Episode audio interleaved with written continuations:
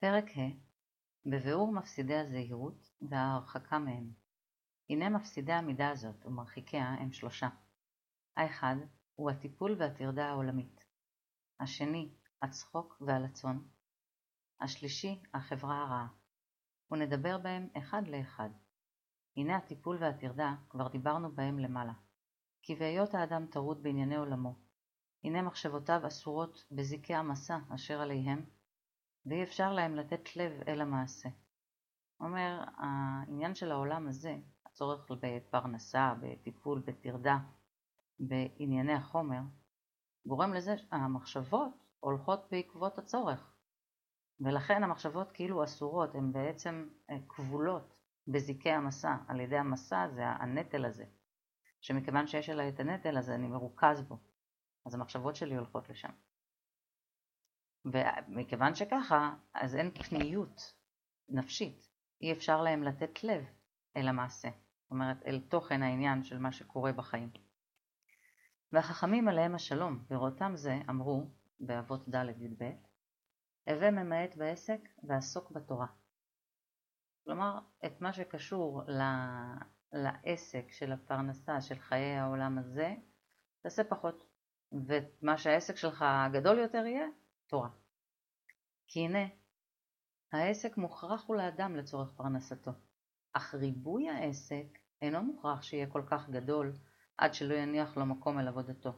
כלומר, אדם צריך לעמול לשם פרנסתו, בסדר, אבל כמה הוא ישקיע מאמץ ויגיעה בזה, לא חייב שזה יהיה מאמץ שמתיש אותו עד כדי כך שלא משאיר לו מקום אל, אל עבודתו, כלומר אל, אל הרוחניות שבו, אל עבודת הקודש שלו.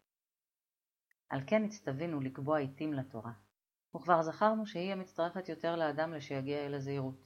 וכמאמר רבי פנחס, תורה מביאה לידי זהירות, וזולתה לא יגיע אליו כלל. אז לא ירכוש את המידע של. את המידה הזו של הזהירות, אם לא תהיה תורה. והוא מה שאמרו זיכרונם לברכה, ולא עם הארץ חסיד. למה? כי אמרנו, כמו שהסביר, כמו שהסביר הרב בהקדמה, עם הארץ, אה, פה מובן במקום של מישהו שלא למד תורה, לא יודע תורה, אז הוא עם הארץ. ואומר, ואחד שלא יודע תורה לא יכול להיות חסיד על דרך האמת, כמו שהוא הסביר את המידה הזו בהקדמה. וזה כי הבורא יתברך שמו, שברא היצר הרע באדם, הוא שברא התורה תבלין לו. וכמו שאמרו זיכרונם לברכה בקידושין ל"ו, בראתי יצר הרע, בראתי לו תורת תבלין. והנה פשוט הוא, שאם הבורא לא ברא למכה זו, אלא רפואה זו, אי אפשר בשום פנים שירפא האדם מזאת המכה, בלתי זאת הרפואה. ומי שיחשוב להינצל זולתה, אינו אלא טועה, והראית אותו לבסוף, כשימות בחטאו. העניין הוא שאם הקדוש ברוך הוא אומר שהתרופה שאני מצאתי להתמודדות עם ההשפעות של היצר הרע, זה שיטה שנקראת תורה. זה מה שמאפשר להתמודד עם יצר הרע בהצלחה. זאת הרפואה שלו. אז אומר, אז, אז אי אפשר שהאדם ירפא על ידי משהו אחר. הבורא יצר את המציאות הזו של אה, יצר, מה שאנחנו קוראים לו יצר רע, והוא גם ברא את המציאות של מה שיכול להתמודד מולו. כי הנה היצר הרע באמת חזק הוא באדם מאוד, ומבלי ידיעתו של האדם, הולך הוא ומתגבר בו ושולט עליו. זה מדהים. אנחנו הרבה פעמים חושבים שאנחנו מבינים מה זה יצר הרע ויודעים לזהות אותו. החכמים רומזים לנו בהרבה מקומות שזה לא, לא ככה. היצר הרע הוא מתוחכם, כלומר זה סוג של חשיבה, רגשות, תפיסות, המון דברים בתשתית של הדעת של האדם שבעצם גורמות לו לפעול לא נכון, לעשות את הבחירות שהן הפך הטוב. והוא אומר, וה... וזה באמת דחף שהוא חזק באדם, ומבלי ידיעתו של האדם. הוא חושב, הוא חושב שהוא עושה בסדר. ולכן, מבלי ידיעתו של האדם, אז היצר הזה הולך הוא ומתגבר בו ושולט עליו. ואם יעשה כל התחבולות שבעולם, ולא ייקח הרפואה שנבראת לו, שהיא התורה כמו שכתבתי, לא ידע ולא ירגיש בתגבורת חוליו, אלא כשימות בחטאו וטובת נשמתו. הלמה זה דומה? לחולה שדרש ברופאים, והכירו חוליו, ואמרו שייקח סם מה. והוא מבלתי שתקדם לו ידיעה במלאכת הרפואה. יניח הסם ההוא, ויקח מה שיעלה במחשבתו מן הסמים. הלא ימות החולה ההוא ודאי, אומר הרב, למה דומה מי שאומר אני אנצח את היצר הרע לצורך העניין, אני אהיה אדם מתוקן, גם בלי תורה. זאת אומרת, זה דומה למישהו שהוא חולה. והוא הלך להתייעץ עם הרופאים, והרופאים מכירים את הסוג החולי שלו, ואמרו לו, הסם בשבילך זה כך וכך. ואותו אדם, מבלי שתקדם לו ידיעה במלאכת רפואה, למרות שהוא לא מבין באמת ברפואה, או בנמשל שלנו, אדם לא באמת מבין בתיקון המקומות הנעלמים בנפש של עצמו, ועד כמה העומק של השורשים של התנהגויות שלו הולכים אחורה בדיוק לאן, כן? אז אדם לא יודע איך באמת להתקן. ולמרות שהוא לא מבין במלאכת הרפואה הזו, יניח את הסם ההוא, זאת אומרת לא ייקח את הסם, את התרופה שהמבינים ברפואה נתנו לו, אלא ייקח מה שיעלה במחשבתו מן הסמים. מה שאני מתחבר, מה שאני מרגיש, מה שנראה לי לפי השכל הישר שלי, כן? עוד פעם, לא אמרנו שזה לא חשוב איך שאדם מרגיש ואיך שהוא חווה את הדברים, והשכל הישר שלו זה מאוד מאוד חשוב. זה חלק מהמצפן הפנימי שלנו. אבל כשכתוב פה הרב, ויקח מה שיעלה במחשבתו מן הסמים, הנקודה היא שיש אדם שהוא לא מתבונן. זה לא שהוא לומד תורה ומשווה ומתבונן בפנימיות שלו ובחוויות החיים שלו מול התורה והדעת שלו גדלה מזה.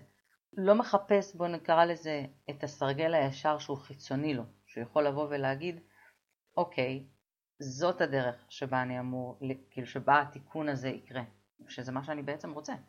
אבל במקום לעשות את זה, אדם לא יודע אולי שיש מין סרגל ישר כזה, אז הוא, מתוך מחשבתו, מאיך שנראה לו, מאיך שהוא תופס את הדברים, ממה שהוא הבין מחוויות החיים שלו, כל הדברים האלה, הם מסרטטים לו כביכול קו ישר, אבל זה לא קו ישר. והתורה היא הקו הישר. אז אומר, אם אותו אחד יעזוב את הרפואה, כלומר את התורה, ויקח מה שיעלה במחשבתו מן הסמים, ינסה בכל דרך אחרת, הלא ימות החולה ההוא ודאי. כן הדבר הזה. כי אין מי שמכיר בחולי היצר הרע, ובכוחו המוטבע בו, אלא בוראו שבראו. והוא הזהירנו, שהרפואה לו היא התורה. מי איפה יניחיה, ויקח מה שיקח זולתה, ויחיה.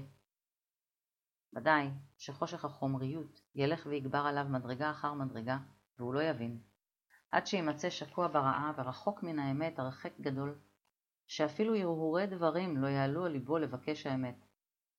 אומר הרב, אדם שזה נקרא הולך בשרירות ליבו, כן? אז יקרו לו כל מיני מקרים, כל מיני מציאויות לא פשוטות לרוב, כן? אדם זה ניסוי וטעייה.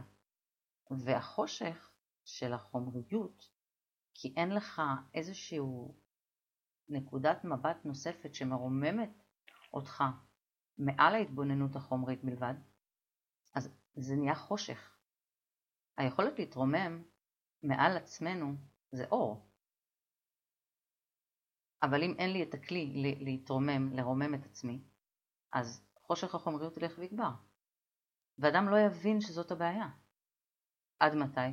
עד שהוא כבר יהיה כל כך שקוע במקום הזה, בחושך הזה, שהוא יהיה כל כך רחוק מן האמת, הוא כבר כל כך יפתח לעצמו מבנים חזקים ויציבים בשכל שלו, שמסדרים לו כאילו את כל המציאות, והוא, וזהו, הוא לא שואל יותר שאלות, והוא רחוק מן האמת.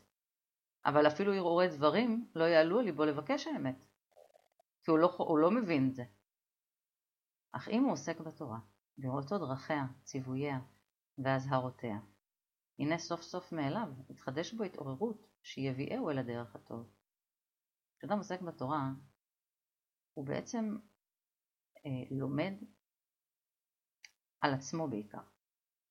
אתה לומד גם מה קורה עם כל עם ישראל כמובן, אבל כשאדם עוסק בתורה, ובפרט בפנימיות התורה, בנשמת התורה, אז הוא רואה את הנתיבים, את הדרכים הפנימיים של החיים המתוקנים, ואיך זה מתחבר לציוויים ולאזהרות של התורה, אז הנה סוף סוף מאליו התחדש בו התעוררות, כן? הוא, עכשיו שאני רואה את הסרגל הישר ואני מזדהה, אני מזהה את זה שאני, שיש פה צליל של אמת ויש פה טוב ויופי ומשהו שמרגיש טוב ונכון, אני מכנה את זה בחסד ואמת, טוב ונכון. אז הנשמה מתעוררת. להביא אותו לחיות ככה, להיות כך. והוא מה שאמרו זיכרונם לברכה, בפתיחתא דאיכא רבתי, הלוואי אותי עזבו ותורתי שמרו, שהמאור שבה מחזירן למוטב.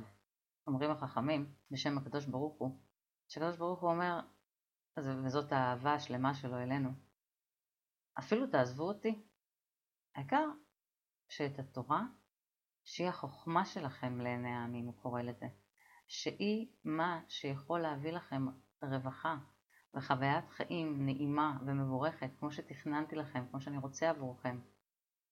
אז אפילו אם לא תכירו בי, אבל את התורה שלי תשמרו, המאור שבא מחזירה למוכתב.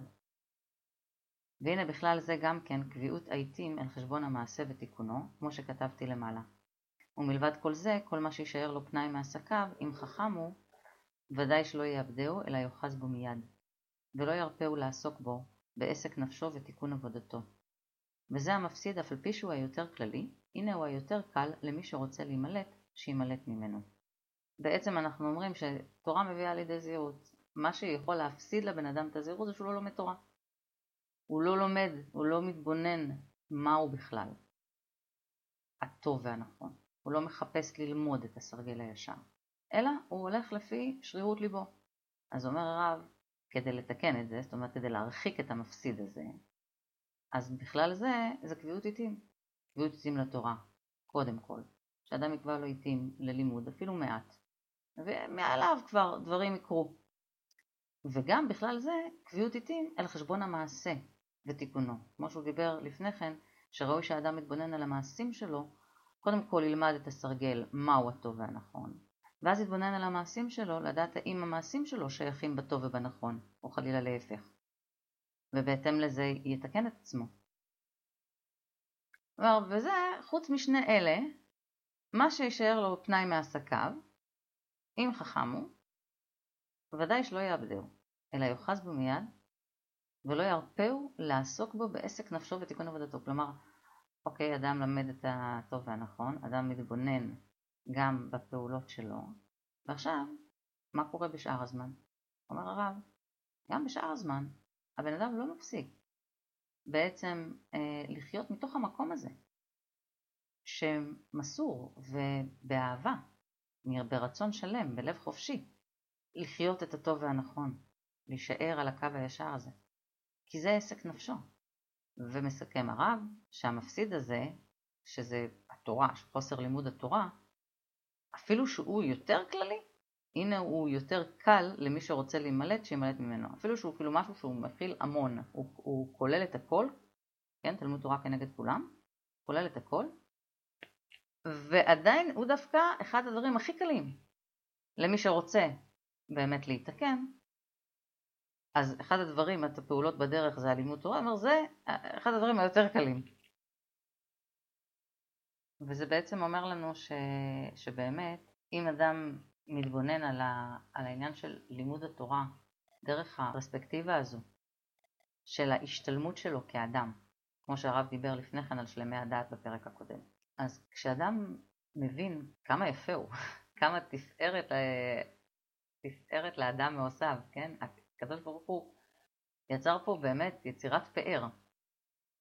ומה שקורה כשבני אדם הם במקום טוב, והם חווים טוב, והם מרגישים טוב, והם משפיעים טוב, זה פלא פלאות מה שבני אדם עושים בעצם.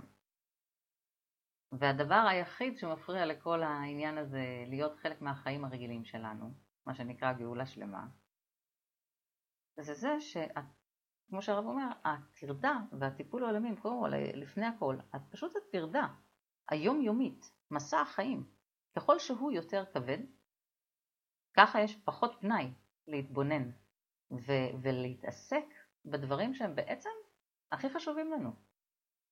הדברים שהם הכי משפיעים לנו על חוויית החיים, כל רגע שלנו. אז עד כאן דיברנו על מפסיד הזהירות הראשון, שזה כשלא לומדים תורה. ברוך ה' לעולם, אמן ואמן.